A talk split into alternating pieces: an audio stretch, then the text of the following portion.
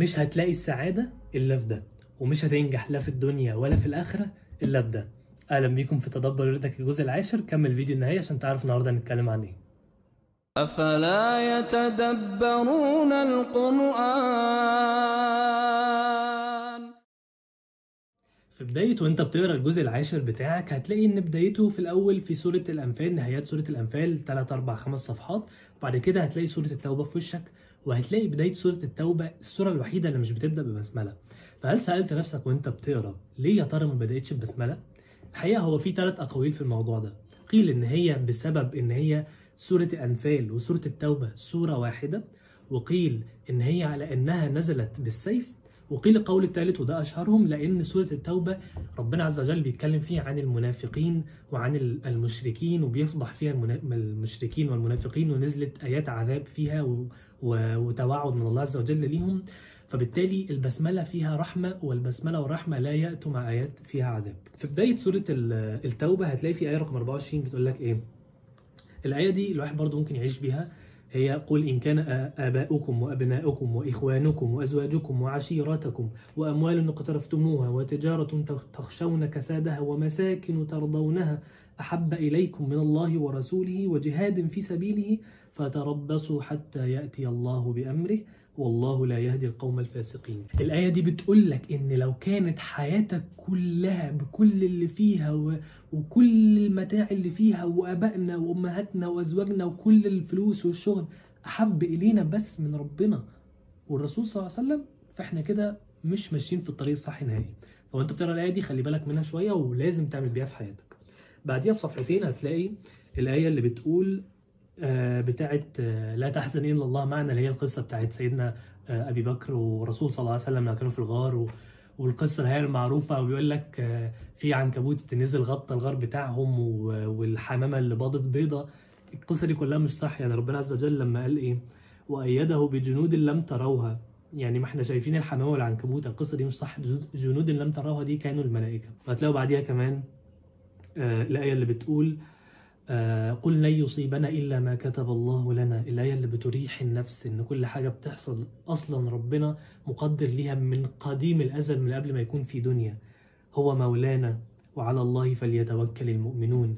فالآية دي لازم تعيش بيها في حياتك ولازم تكون عارف إن لن يصيبنا إلا ما كتب الله لنا.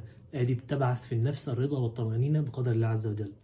وهتلاقي في الصفحة اللي قصادها الآية اللي بتقول إنما الصدقات للفقراء والمساكين والعاملين عليها والمؤلفة قلوبهم وفي الرقاب والغارمين وفي سبيل الله وابن السبيل.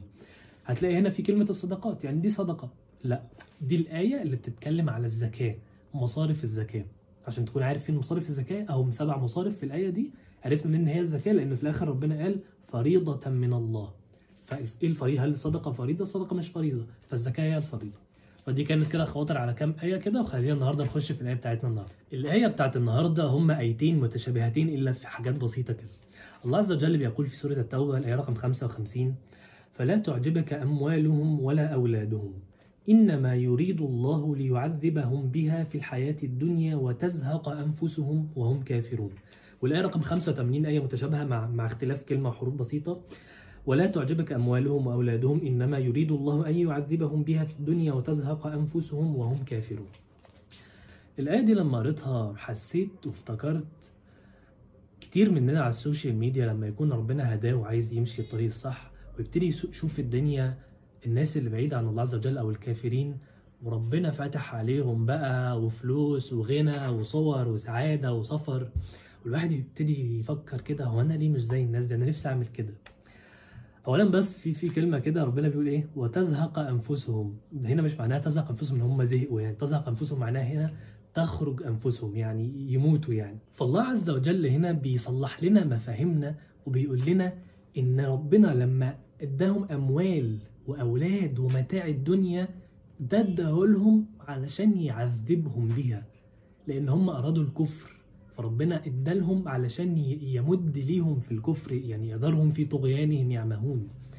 فاللي انت شايفه كويس وجميل ونفسك تعمله ده في الحقيقة عذاب ليهم مش ده اللي إحنا نتمناه من الله عز وجل. إحنا بنتمنى من الله عز وجل الآخرة. ولو ادانا الدنيا خير وبركة ولكن لو ما اداناش الدنيا خلي نظرتنا صح. لما بنشوف صور على انستجرام وعلى الناس المبسوطة وهم بعاد في ناس طبعا مبسوطة وحياتهم ونحسبهم على خير يعني ولكن بنتكلم على الناس البنات اللي مش بتلبس مثلا ال- ال- الموديلز ال- ال- السكة دي أو مثلا الرجالة اللي معاهم فلوس ومعاهم بنات ربنا بيعذبهم بيها. صلح نظرتك. لو أنت بتشوف بعين زي زي ما ربنا بيشاور لك هو السؤال أنت بتشوفهم بأنهي عين؟ بعين الدنيا ولا بعين لو أقدر أقول كده يعني بعين ربنا أو بعين الآخرة أو بعين الحق؟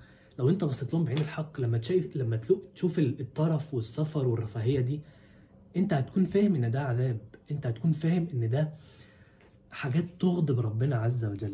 فلو إحنا صلحنا نظرتنا هنرضى باللي إحنا فيه وهنكون عارفين ان ربنا عز وجل وعد وعدنا بالخير وبالجنة.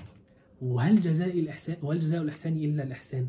يعني أنت لما تحسن الله عز وجل وتتقي الله وتمنع عن نفسك المعاصي. هل تظن أن ربنا مش هيجازي إحسانك إحسان؟ بل هيجازي إحسان ولكن مش شرط في الدنيا. الجزاء كله في الآخرة. فخليك متيقن ومؤمن جدا جدا إن الجزاء في الآخرة وما ما يغركش فكرة إن الناس عمالة مبسوطة والدنيا معاهم ومعاهم فلوس وأغنياء. ما يغركش ما يغركش. صلح عينيك صلح عينيك وصلح نظرتك للدنيا. المؤمن الحق بيشوف إن المتعة الحقيقية بتكون في عبادة الله عز وجل. الرسول صلى الله عليه وسلم قال في حديث آه، يمكن بما معناه أو مش باللفظ لا يؤمن أح أو والله لا يؤمن أحدكم حتى يكون هواه تبعا لما جئت به. يعني ما فيش حد فيكم هيؤمن حق الإيمان إلا ما يكون هواه نفسه كده اللي هو بيشتهيه تبعا لما جئت به. يعني تبع الرسول صلى الله عليه وسلم وبيميل للإيمان بيميل للصلاة بيميل للطاعة. فلما تلاقي راحتك في الطاعة اعرف إن أنت على الطريق المستقيم وإن أنت تمام. لما تلاقي راحتك في إن أنت أنا بعبد ربنا بس عشان يرضى عني وعشان مضطر بس يا يا سلام لو كان عندي اللي عندهم. لا أعرف إن في خلل وأعرف إن أنت محتاج تصلح نفسك ومحتاج تطور من نفسك علشان تعبد الله عز وجل حق العبادة. وبس كده أنا انتهيت من فيديو النهارده. عايز أشكركم جدا جدا لدعمكم لتدبر وردك ونشركم ليه وأتمنى تستمروا النشر ليه وتستمروا إن أنتوا تتعلقوا بكتاب الله عز وجل. شكرا لدعمكم جدا وأشوفكم إن شاء الله بكرة في الجزء ال11 من تدبر وردك. السلام عليكم ورحمة الله وبركاته. فلا تعجبك أموالهم ولا أولادهم إنما يريد الله ليعذبهم ليعذبهم بها في الحياة الدنيا وتزهق